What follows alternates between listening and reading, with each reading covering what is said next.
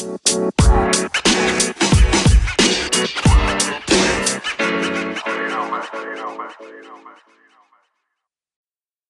guys, balik lagi di Ngox.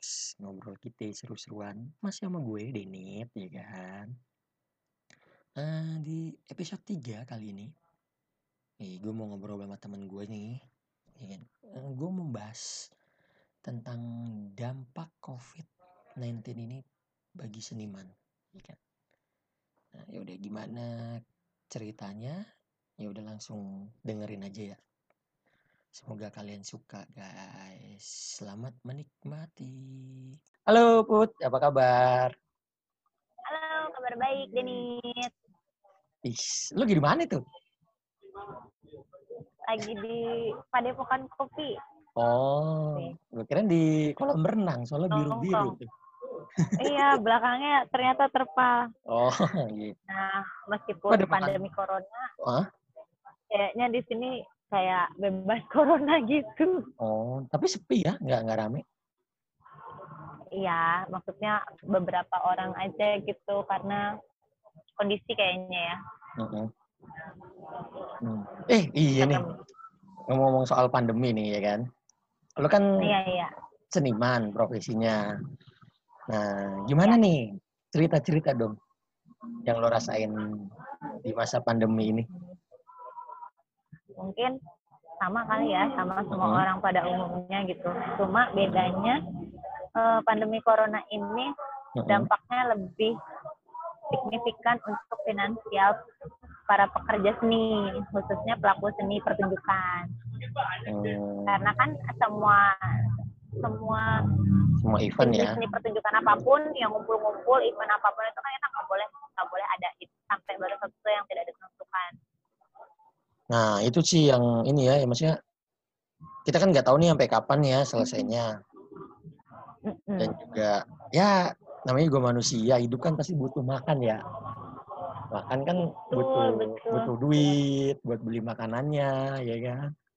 Betul banget. Parah Gimana banget deh? sih menurut kondisi kayak gini.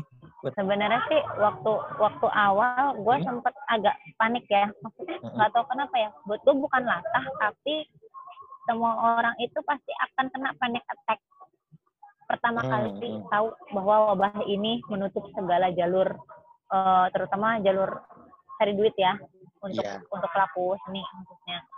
Nah cuma eh, awal-awal waktu kita belum ada event event lanjutan dengan era digital, maksudnya dengan memanfaatkan dengan memanfaatkan sosial media dan lain-lain itu gue langsung banting setir dengan berkuliner, mewabah ke ke ini seni kuliner, jualan makanan gitu untuk untuk Hmm. bertahan hidup, cie, ceritanya untuk sedih banget ya bertahan hidup, cie. Tapi nggak Iya. nggak gitu-gitu banget, soalnya Hah? alhamdulillah kan kami juga sama-sama pelaku seni, Heeh, dia fotografer, videografer. heeh. Nah, di saat corona gini dia malah kebanjiran job karena beberapa distro-distro atau clothing maju gitu, mereka kan nggak boleh buka toko, jadi mereka larinya ke, gue sebut merek nggak apa-apa ya. Iya, nggak apa-apa. Nah, mereka larinya kayak ke Shopee, ke Tokopedia, terus Oh, eh, ke aplikasi Instagram dan online gitu lain-lainnya. ya. ah, aplikasi jual beli online gitu dan butuh banget foto-foto katalog. Hmm, Nah, yang ngerjain foto katalog clothingan distro-distro gitu, Suami alhamdulillah lu. suami Oh. gue. Hmm, Oh, berarti setidaknya terbantu lah ya untuk masalah finansial. terbantu banget. Ah, ah, tapi kan karena kita anak yang nggak mau diem ninit gitu Mhm. kan, Heeh. jadi gue eh, merambah bisnis kuliner, gue jual stik tempe sama sushi roll kayak gitu. Wih, nambah lagi tuh sushi sekarang. Kemarin kan Iya, gue iya nama sushi roll crispy kayak gitu pakai pakai chicken crispy gitu. Nah itu sebelum ternyata gue dapet angin segar. Jadi Hmm. Beberapa seniman yang tadinya kalang kabut belakangan ini sih mulai kayak mulai mulai bergerak tuh April pertengahan itu Heeh. dapat angin segar dari pemerintah. Gue nggak pro kanan kiri ya maksudnya. Gue nggak pro. Gue bukan istilahnya gini. Agak-agak serem ya sekarang ya kalau misalnya kita di bidang seni terus kita kayak berterima kasih sama pemerintah nanti dibilang kayak wah budak budak pemerintah nih atau budak kapitalis lah, atau apa atau segala macam kayak gitu-gitu kan. Ah. kalau gue sih netral aja selama itu yang gue rasain gue merasakan istilahnya tidak merasa dirugikan Heeh. dan gue pikir pemerintah punya caranya sendiri kita sebagai manusia istilahnya kayak gue pelaku seni ya punya jalurnya Hmm. sendiri teman-teman yang kerjanya kantoran juga punya jalurnya sendiri gitu ya udah masing-masing aja gimana kita menangani atau menjalani kehidupan kita dengan di tengah wabah ini gitu jadi pas dapat angin segar itu pertengahan April Hmm. ternyata pemerintah nggak tinggal diem melihat Hmm. pelaku seni ini kayak kehilangan mata pencarian di sektor pertunjukan. Jadi ada Kemendikbud yang pertama kali dia buka open call untuk pentas di rumah aja. Kuotanya agak terbatas nih. Heeh. Itu bebas pentasnya Seluruh atau bebas. Oh enggak. Maksudnya eh, temanya itu pentas menari di rumah aja. Emang Oh. yang disasarin itu penari dulu. tari? ah. Heeh. pentas pertunjukan uh, tari di rumah aja Hmm. dengan temanya COVID-19 gitu. Apa ide apa sih yang kamu punya selama di rumah aja menghadapi Hmm. virus corona ini kayak gitu. Uh, kuotanya agak sedikit sih dari seluruh Indonesia yang diambil cuma 40. Wow. Dan Alhamdulillah gue lolos nih jadi jadi salah satu di antara 40. Tapi itu menurut lu udah udah ngebantu banget gitu ya? Atau atau Bantu lumayan. agak Ini kurang? gue bocorin aja ya. Hmm. Kemarin itu soalnya satu orang diganti biaya produksinya 2 juta. Hmm. Itu udah yang lumayan menurut ya. gua itu iya itu lebih dari gue pentas di panggung maksudnya kalau gue pentas di panggung biasanya tuh kayak lima menit nari atau tujuh menit nari bayarannya kan range-nya tergantung tuh. Biasanya kan ada yang 250 ada yang 500 kalau event tahun baru kan bisa 2 juta sampai 1, eh, apa, 1,5 atau 2 juta. Kalau tahun baru baru bisa nyampe harga 2 juta gitu. Nah yang kemarin itu Kemendikbud ngasih biaya ganti produksinya langsung 2 juta.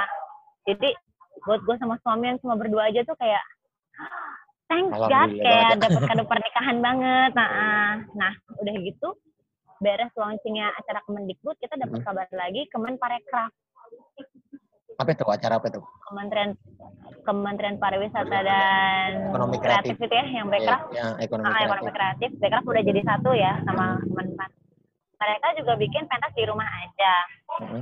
durasinya sama 5 sampai 7 menit.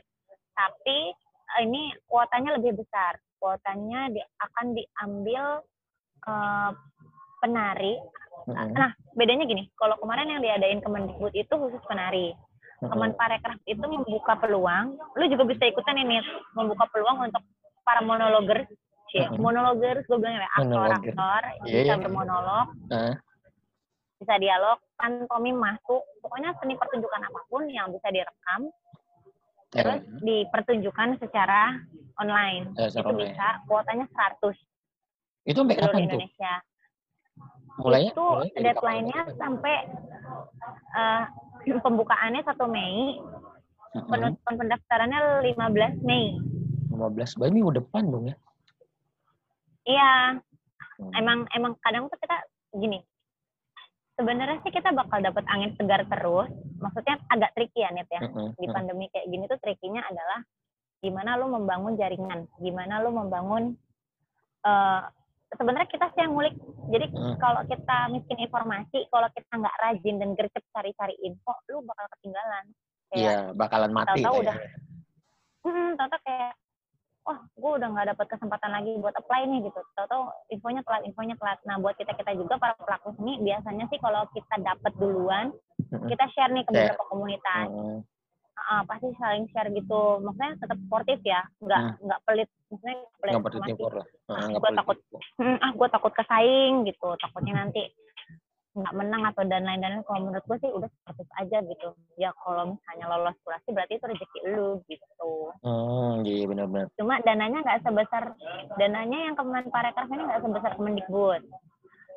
Kalau Kemenparekraf ini dia membantu untuk yang karya tunggal, misalnya kayak monolog ataupun baca puisi, musik itu cuma 500 ribu. Tapi kalau atas nama komunitas atau kelompok dia ini ngasihnya satu juta. Oh, berarti enak yang tunggal dong, 500 ribu buat sendiri. Nah, iya sih, banyak kan kayaknya yang target tunggal kayak gitu. Oh, nah, Terus nih. jangan sedih lagi. Mhm. Eh, apa ya gue tambahin info ya maksudnya? Iya, Siapa iya, tahu nggak nanti ada yang dengar dari Iya. podcast lu gitu. Iya, Untuk apa-apa. teman-teman seni rupa juga jangan Mhm. sedih. Ternyata eh, banyak juga event-event dari ditongolin lagi nih dari Kemenparekraf, dari Kemendikbud. Makanya kita benar-benar harus buka. Menurut gue sih sosial media yang paling gercep saat ini adalah Instagram.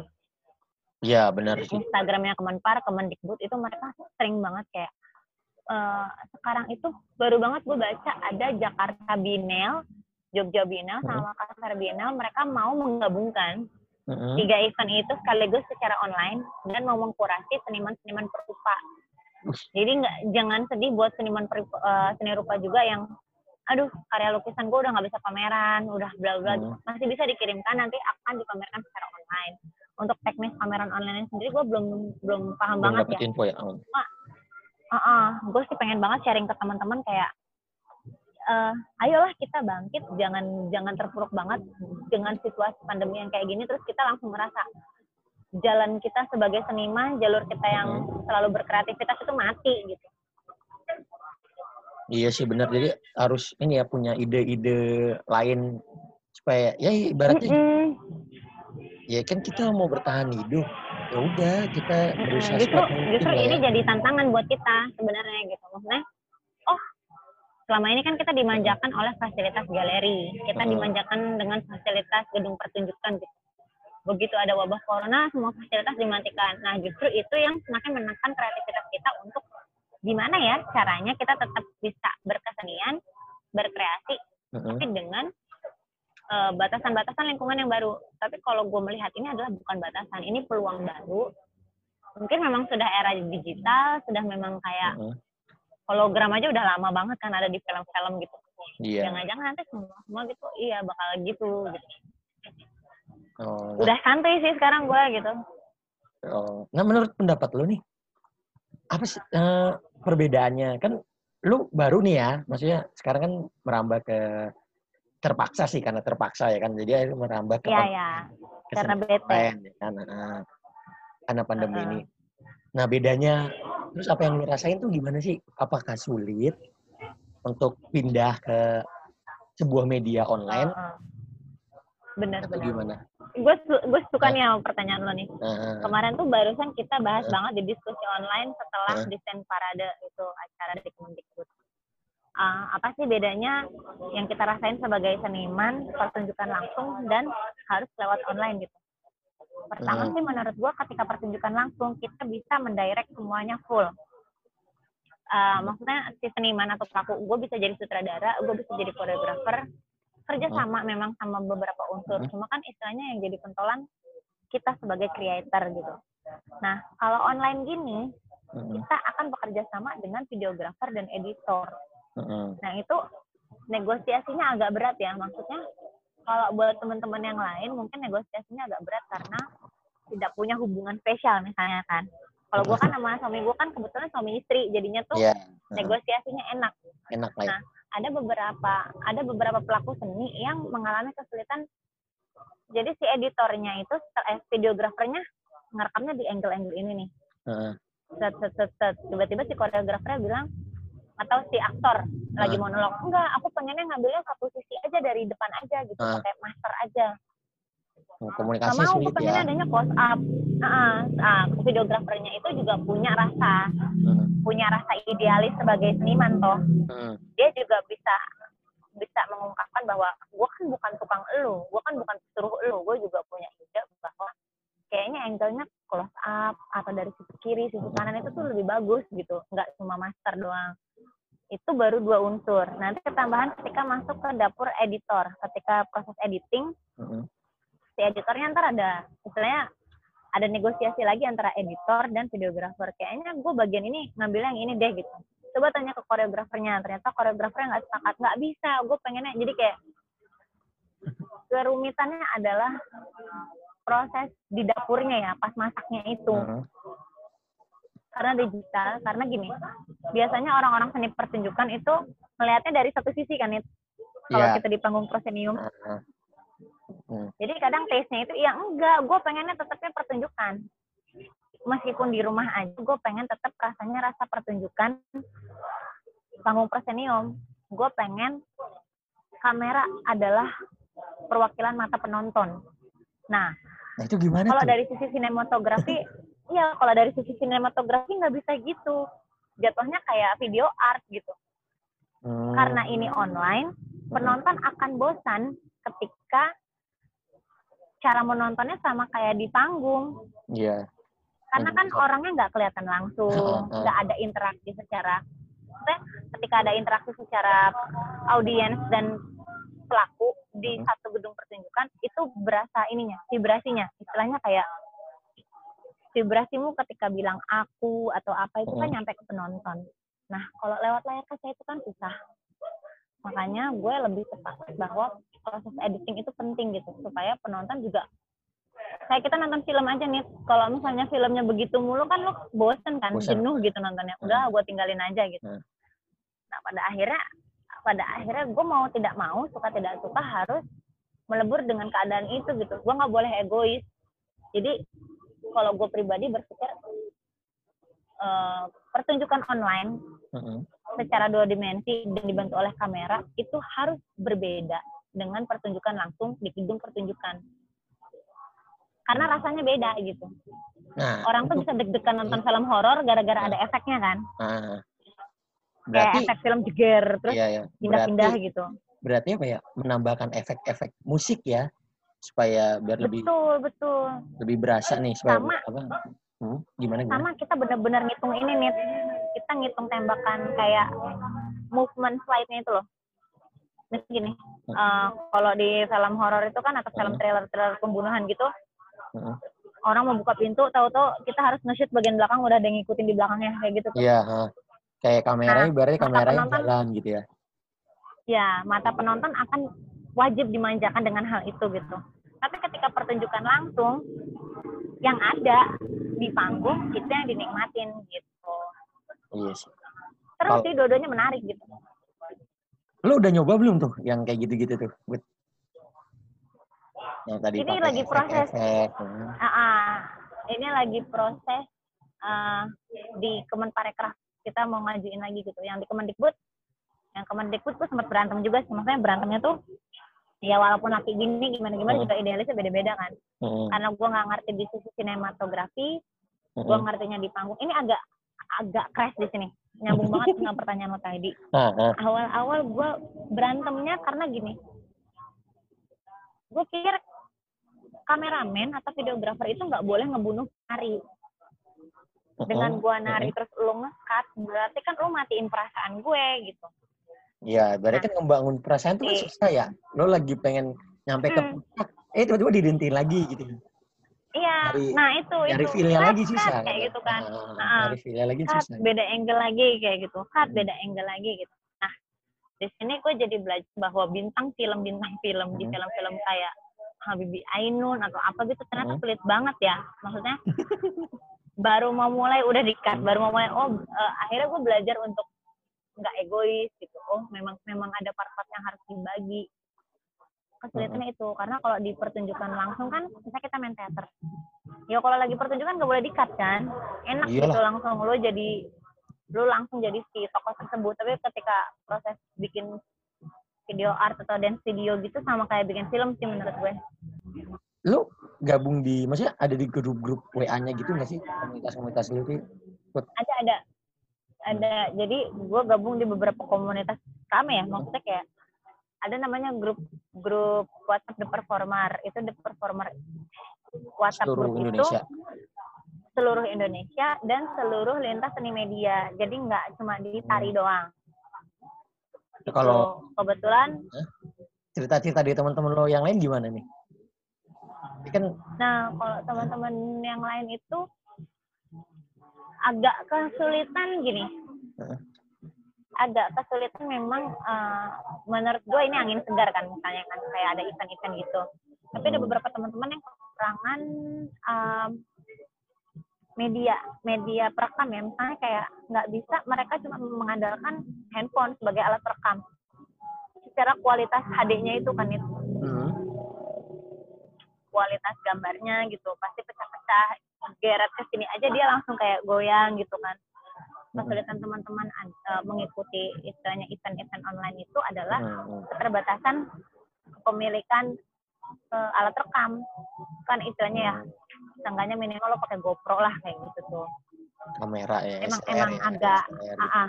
agak Nah, ngeluarin terus budget lagi ya. untuk untuk iya terus kesulitannya lagi untuk eh, teman-teman seniman yang di daerah-daerah yang di pelosok-pelosok itu mereka eh, kesulitan banget sama sinyal.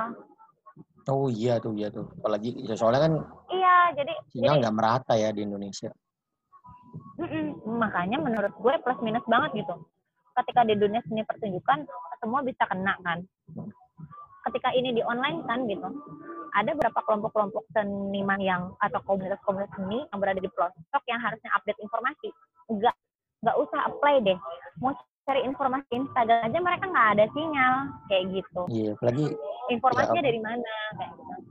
ya apalagi kalau misalnya dia seniman-seniman yang apa ya tradisional-tradisional gitu kali ya yang yang sebelumnya sebelumnya nggak nggak pernah berkecimpung di dunia internet Dunia internet kayak gini kali ya, dunia digital. Bener bener sama misalnya kayak yang udah mbah-mbah gitu kan kayak Heeh. buktinya aja di Banten sendiri di Banten aja deh nih gitu. Heeh. gue udah berusaha keluar-keluar ke teman-teman di Facebook. Gue udah berusaha keluar-keluar ke anak sini gitu kayak ayo ayo teman-teman ayo gitu. Kayak gue nggak ngerti. Heeh. kalau anak mudanya punya Instagram semua tapi nggak tahu kenapa nggak mau gerak. Maksud gue bukan nggak mau gerak ya atau mungkin mereka sudah apply tapi kurang beruntung atau memang kayak gue nggak lihat ada effortnya gitu tuh kayak Mungkin paling juga nggak lolos santai aja ah, gitu, paling juga iya. ah paling juga ah, menurut gue gue nggak nggak ketika berkesenian gue nggak ngarah duitnya juga ya Hmm. Istilah gini bullshit gue nggak butuh duit. Tapi bukan duit juga yang gue kejar gitu. Pada akhirnya gue Kepuasan duitnya dari ya, gue jualan makanan ataupun dari suami gue gitu kan. Hmm. betul. Jadi kayak kok hasrat ingin berkeseniannya menurun ya? Gue ya udah ketika corona gini di di lini kesenian daerah Serang maksudnya gitu gue gue nggak lihat ada gue berani bilang bener-bener nggak ada nggak ada hasrat untuk ya istilahnya go nasional lah gitu tuh oke memang banyak di Instagram mereka bikin bikin puisi Heeh. puisi Instagram puisi digital istilahnya kan Heeh. bikin monolog digital, puisi digital atau tari digital. Tapi why not kalau kamu bisa apply dan masukin karya kamu yang digital itu terus dapat tambahan uang jajan. Mungkin udah Terus skeptis Nah. duluan kali sama pemerintah atau ya kayak udah males aja. nah, itu nih, Mungkin. itu Gue nggak tahu juga sih. Yang tadi dari awal gue bilang Ah. itu. Jadi gue hati-hati banget kan ketika gue bilang gue dapet angin segar dari pemerintah itu nanti dikira gue terlalu pro sama pemerintah atau kayak Emang budak kenapa sih? Kenapa sih? pemerintah. No, iya. Maksudnya gue mau nanya deh, Jadi jadi Kenapa sih? gini, seniman tuh harus tidak Ah. boleh terlalu dekat dengan pemerintah. Apakah emang kebebasannya Nah, untuk tidak ada mengkritik jadi terhambat atau gimana? Nah, ini ini yang menurut gue jadi salah paham ya. Jadi Hmm. kalau menurut gue pribadi, Hmm. Sebagai pelaku seni, sebagai seniman itu bagaimana kita berada di jalur tengah-tengah, lakukan apa yang bisa kita lakukan lewat kesenian gitu. Heeh. Mau mau istilahnya mau dekat dengan pemerintah, silahkan. Eh, kalau gue gini prinsipnya, selama itu adalah kebenaran dan patut didukung, maka gue akan dukung. Mau itu pemerintah ataupun masyarakat ataupun LSM, LBH, jika itu benar, jika itu pergerakannya tepat sasaran, gue akan dukung lewat kesenian gue. Heeh. Tapi kalau itu melenceng dari kebenaran dan tidak sesuai dengan aturan yang ada, gue akan melawan dengan jalur gue berkesenian Hmm, dengan dengan artian bentuk dukungan gue ataupun bentuk perlawanan gue terhadap semua itu tadi Heeh. bukan dengan kekerasan gitu kan gue bisa melakukan kritik atau bisa melakukan dukungan lewat karya tari gue misalnya kayak gitu kan Heeh. Rata-rata banyak banget yang mencampurkan antara seniman dan aktivis profesi seniman dan aktivis gitu. Nah ini yang menurut gue jadi bahaya pada akhirnya gitu. Gue tidak bilang kalau aktivis itu membahayakan. Enggak. Aktivis juga bagus gitu. Cuma kan eh, akan akankah lebih enak ketika seniman pure saja menjadi seniman gitu. Ketika seniman sudah tercampur dengan kehidupannya sebagai aktivis dia kontra terus sama pemerintah. Apa apa pemerintah salah aja gitu Iya. Kalau gua kan berusaha melihat baik gini. juga sih. Harus melihat di tengah-tengah sih ya menurut netral. gua, iya menurut gua ketika PSBB diberlakukan, ya udah, gua akan dukung karena ketika gue lihat visi misinya PSBB adalah untuk memutus mata rantai si COVID-19 ini, kenapa nggak kita turuti aja gitu? Jangan jangan kita marah-marah, wah gue nggak bisa berkesenian lagi nih, wah gue nggak bisa cari makan. Kalau nggak gini gue hidupnya gimana gitu? Gue percaya cacing aja di bawah tanah di lubang semut gitu Hmm. mereka bisa makan gitu kenapa harus takut gitu kalau lo percaya ada Tuhan ada alam semesta yang ngatur Hmm. ngapain takut gitu Cakep, cakep, cakep. Gue suka nih. Soalnya gue barusan baca di Twitter, jadi ada yang bikin petisi gitu. Ya salah satu pelaku inilah apa pelaku kesenian. Katanya gini. Jadi kayak kayak kayak ke, apa memberikan petisi ke di change di change.org itu ke Menteri Pariwisata Hmm. Bapak Wisnu Tama. Hmm. dia bikin petisi katanya gini jangan cuman ojol aja dong yang diperhatiin atau buru-buru yang yang lain pekerja-pekerja seni kan juga perlu nih apalagi yang kayak orang-orang di belakang layar nih kayak lighting terus sound sound engineer terus dekorasi dekorasi panggung. Kan kegiatan di stop nih kegiatan-kegiatan yang mengumpulkan masa banyak ya kan? Nah itu tuh. Hmm. nah menurut lu gimana nih menyikapi seperti itu Nah, nah ini Nah, menurut nah. gue ketika gue gue menjadi eh, gue posisinya jadi orang setting man. Nah, nah, nah, anak-anak seni rupa lah istilahnya. Atau gue jadi lighting man atau soundman gitu. Nah, ketika gue tidak tidak melihat ada informasi bahwa Kemendikbud atau Kemenpar mengadakan eh, event-event online untuk, mereka yang di balik layar ini gitu. Istilahnya kan ketika yang dikasih yang dikasih angin segar hanya penari atau atau teman-teman di teater gitu. Hmm. bisa dengan monolognya tapi tanpa lampu misalnya gitu kan. Karena Hmm. di tengah aja. Berarti kan posisi man jadi nggak berfungsi istilahnya. Hmm. justru gue ketika ketika tahu bahwa gue nggak ada nggak ada informasi tentang itu dan gue adalah lighting man atau soundman Hmm. gue akan membaca ini adalah peluang besar gue akan mengumpulkan teman-teman lighting man ayo ayo kita bikin eh, istilahnya kita mengajukan kita bikin panitia nih kita bikin tim kreatif Eh, istilahnya lu tahu video mapping kan? Tahu tahu ya video mapping itu ah, video mapping. Nah, kenapa enggak ketika lighting man ini sudah berkumpul, misalnya katakanlah adalah pencetusnya lima gitu, lima tim kreatif, semuanya orang lighting man. Ayo kita bikin tetap digital, tetap online karena keadaannya begini gitu.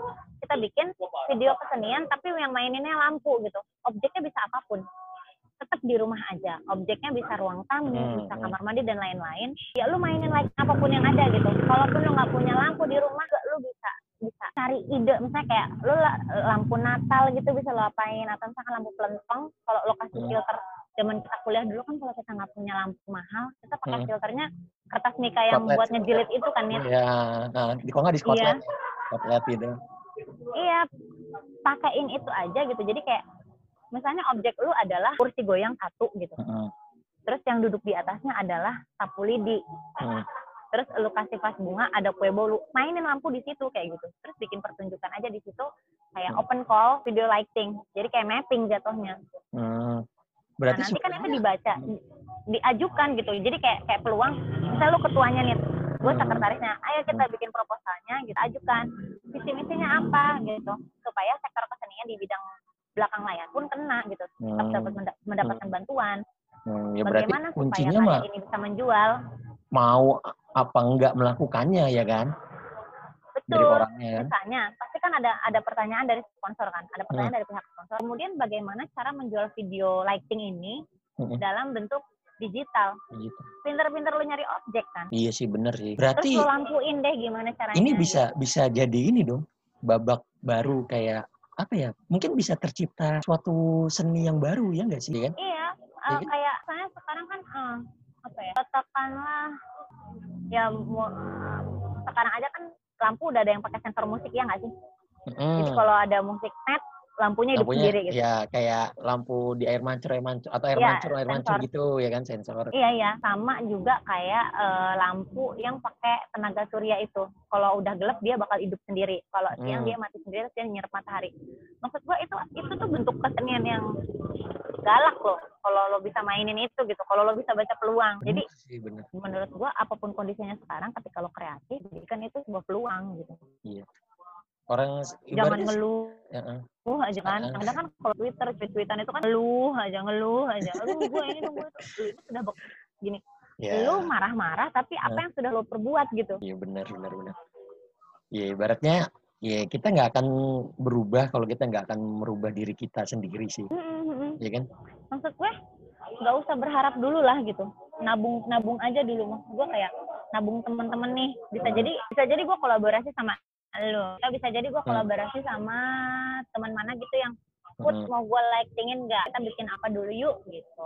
Oh oke. Bener-bener. terus ya udah apa terus gue punya informasi nih. Eh eh, misalnya kayak museum macan lagi buka loh. Gimana kalau misalnya kita masukin video kita berdua nih gitu.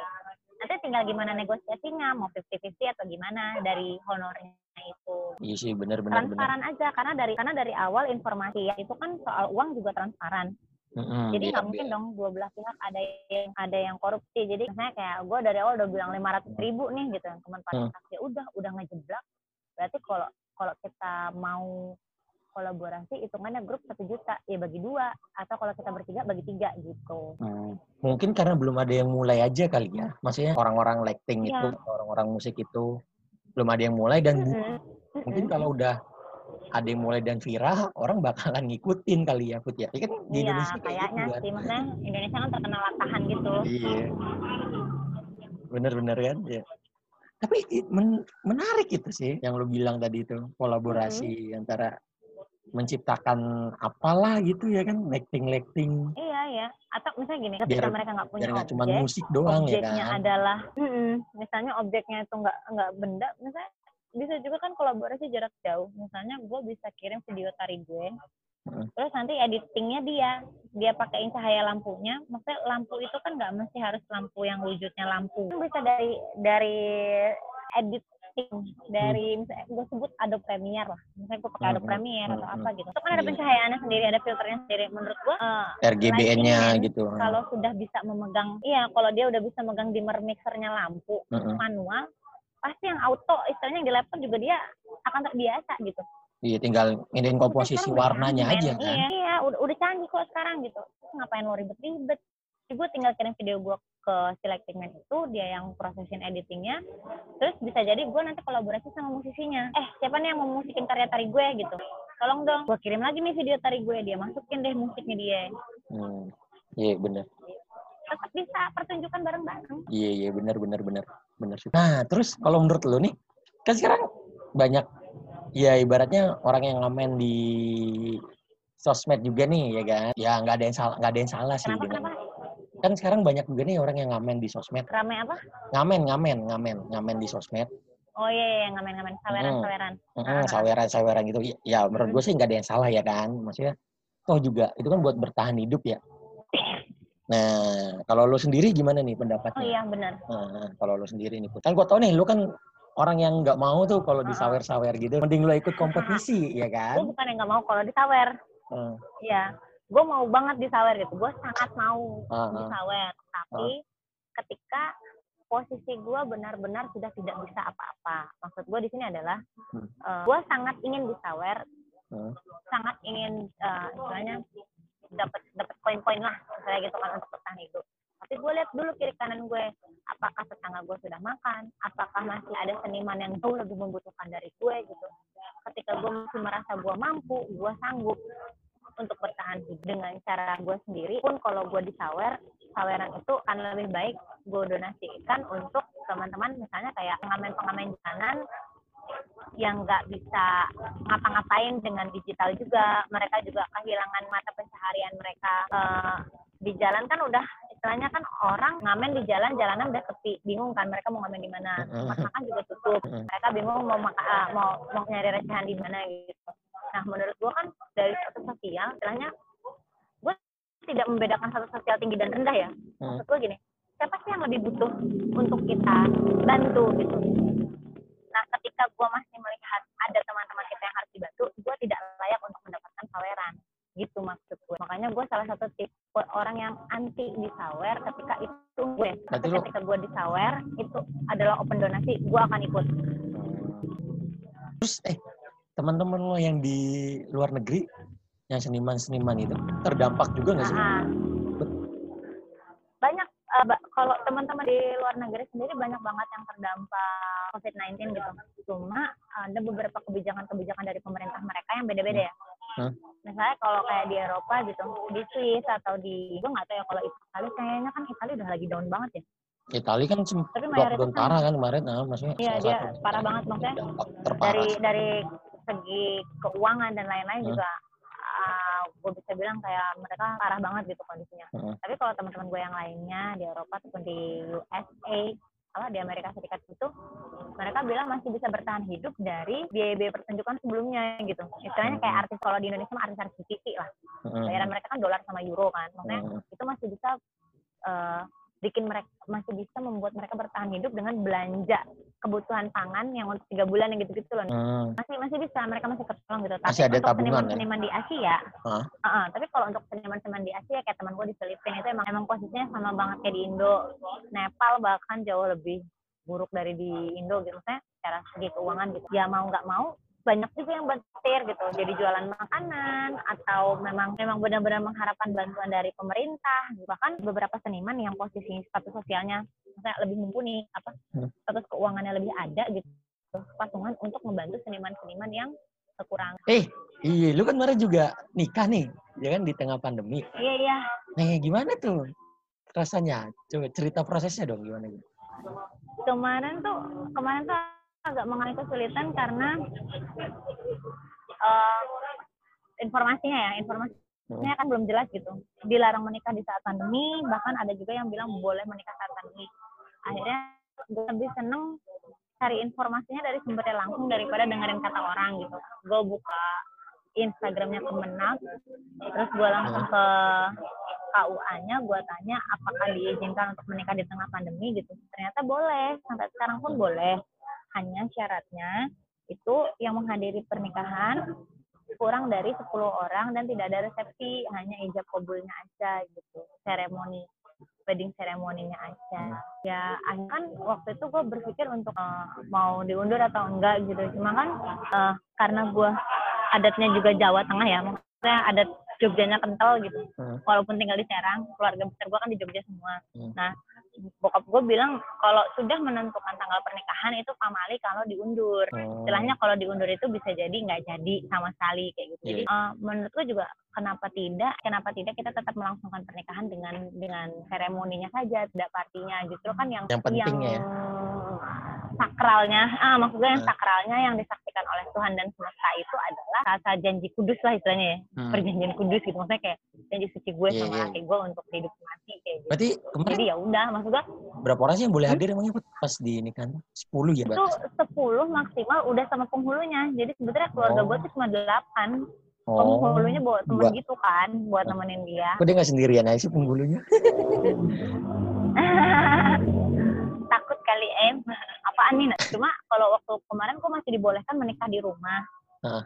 Nah Mei ini tuh udah nggak boleh menikah di rumah jadi harus di KUA Oh. Oh, berarti penghulunya datang kemarin ke harus di KUA-nya iya ya ke ke rumah boleh Sedih nggak sih? Sedih agak sih? beruntung sih Nggak bisa resepsi. Maksudnya resepsinya ditunda, sih bukan nggak bisa. kebetulan uh, orang yang don't care ya maksud gue karena resepsi itu kan sama aja kayak event-event kesenian yang udah pernah gue bikin atau gue ikutin gitu jadi kayak Hmm. nonsen aja mau ada resepsi atau enggak juga at least gue tetap bisa bikin event itu sama kayak festival seni pada umumnya ya nanti nanti juga bisa gitu ya nunggu sponsor lah gitu gitu juga mikir ya Iya, iya, iya. Nunggu sponsor. karena emang sebelum Hmm. corona iya karena emang sebelum corona ini rencananya kan emang ada resepsi resepsinya itu gua ubah jadi festival seni mini mini fest lah Hmm. tapi emang rencana gua sama laki gue emang gak ngeluarin duit sama sekali gitu untuk untuk mini festivalnya Eh, alhamdulillah juga banyak banyak endorsean gitu. Sepatu aja kemarin kita di endorse baju di endorse terus kayak make up gue sendiri gitu. Gila. Terus kayak kalaupun ada mini festival istilahnya sound system laki gue punya studio band Hmm. alat-alat punya sendiri. Terus eh, pengisi acara teman-teman sendiri juga pada mau nyumbang gitu gratis istilah endorsean Paling Terus catering doang ya, teman-teman yang doang. nari ada-ada tingkat gue eh, cuma cuma ngurusin catering doang paling kalau mini festival gitu. Nah itu juga alhamdulillah kemarin harusnya kalau ada resepsi gue Hmm. dapet sponsor cateringan sebenarnya. Dari ada namanya nggak boleh disebut gitu tapi eh, bos gue kerja gitu. Istilahnya Oh, bos di mana selama gue bikin festivalan kayak gitu. Dia Hmm. bilang berarti lu kurang apa nih? Gitu. Gue bilang kan menari nggak perlu dibayar lah mereka mau nyumbang. Eh, sound system ada alat band lengkap gitu tenda juga gue disumbangin dari tenda masjid. Masjid gue tuh punya rumah. uang kas yang buat tenda masjid buat Hmm. kayak ya gitu gitulah uang uang kas uang kas komplek gitu. Buat keperluan komplek dipinjemin. Jadi tenda juga gue gratis gitu. Cuma tinggal catering doang. Nah catering alhamdulillah juga disponsorin lo udah Eh, kayak artis-artis papan atas ya nikahannya di endorse semua ada alhamdulillah Raffi Ahmad. aja teman-teman teman-teman baik nih iya iya benar. Itulah kuncinya Tapi kan dari memperbanyak Nggak- nggak relasi kan? profesional. benar-benar Hmm. bahkan sempat gue kepikiran mau nangkep wayang kan? Ada temen yang dari Jogja yang mau wayangan ke Serang waktu itu. Buset emang di Serang masih Wayangan masih laku? iya. Wayangan-wayangan gitu? Sebenarnya nah itu gue membaca peluang. Gue pikir kan memang nggak ada kan istilahnya cuma kan gue pikir gue suka yang aneh-aneh gue suka sesuatu yang belum ada gitu. Hmm. ya kenapa enggak gue undang aja teman gue jadi kan ketika pun kalau orang nonton tapi emang wayangannya pakai bahasa Indonesia. Hmm. wayang pulau. Namanya wayang pulau punyanya Mas Nanang Garuda gitu. Jadi uh, pun nanti akan ada diskusinya gitu. Itu yang menurut gue uh, nanti nanti kan sekarang di laboratori gue juga gitu. Ada peminatnya atau enggak gitu. Berarti kan ke mana sih sebenarnya hasrat orang Serang dalam berkesenian ini gitu berapa persen ke mana berapa persen ke mana tujuannya Hmm. Eh, kayaknya udah sejam nih, kayaknya udah hampir sejam ya. Lo ada kata-kata penutup nggak nih? Oke, mengakhiri iya? Eh, iya, iya. Kata-kata penutup gue apa ya? Oh gini nih. Em, buat teman-teman semua yang dengerin podcastnya Merdenit, Cie. Eh, nggak apa-apa dengan keadaan pandemi ya, maksudnya nggak apa-apa dengan keadaan pandemi yang kayak gini. Ini memang udah wayahnya, istilahnya Eh. tuh emang udah waktunya bumi kita buat istirahat. Hmm. Untuk istilahnya kan orang narkoba juga butuh masa rehabilitasi kan Iya, iya. mungkin benar. terlalu banyak polusi buat bumi kita makanya dia butuh waktu untuk istirahat juga kita jangan egois juga lah mau pakai jalanan tiap hari mau ke pabrik tiap hari ya udah maksud gua this is like a uh, life cycle apa ya oh ya udah udah siklus hidupnya kayak gitu aja jadi santai aja lah gue mikir udah santuy santuy aja guys gitu.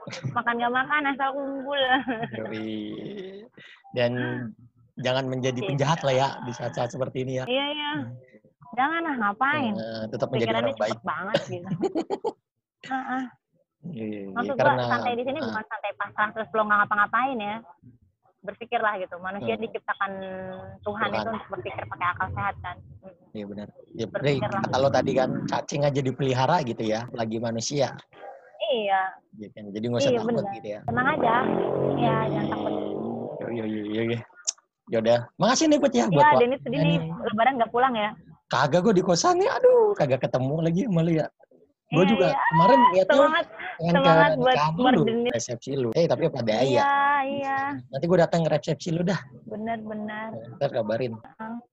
Eh, lu mau promosi nggak sekalian nih? Oh ya, oh, gue mau promosi nih buat teman-teman yang mau ngeliat cie, yang mau ngeliat karya seni gue sama suami gue ada di Instagram Putri Wartawati, Instagram gue, Ah. Facebooknya juga Putri Wartawati, YouTube-nya juga Putri Wartawati. Atau kalau mau lihat-lihat karya eh, kalau mau lihat karya fotografi dan videonya suami gue ada di Instagramnya @pengguna otak kanan, digabung. Stick lu promosiin Atau googling aja deh, googling. Hmm? Stick tempe lu promosiin nggak? Oh ya, stek tempe. Kayaknya karena gue nggak begitu serius-serius amat ya gitu. Oh, Pokoknya kalau ada yang di Serang pengen stek tempe ngubungin gue aja lah gitu. gue lebih promosi ke karya seninya ya. oke, kita oke, yaudah ya. Aja Masih Put ya, buat waktunya. Semoga Ya, lu sehat-sehat selalu sama Sama-sama. suami ya. Amin, lu juga sehat-sehat ya. Ya, siap-siap. siap. Oke, dadah. Put ya. Bye. Bye. Ya guys, nah, itu tadi obrolan gue sama Puput ya kan. Udah didengar sendiri kan gimana ceritanya dia. Hmm, ternyata cukup menarik juga ya. Oke, ya udahlah. Tanpa basa-basi lagi, sampai jumpa di ngox-ngox selanjutnya. Terus tetap setia ya, nungguin ngox-ngox yang akan datang nih, ya kan. Ya moga-moga aja gue jadi podcaster terkenal nih. Ya kan side job side job yang membawa berkah gitu. Ya udah. Sampai jumpa ya guys di ngox selanjutnya. Bye bye.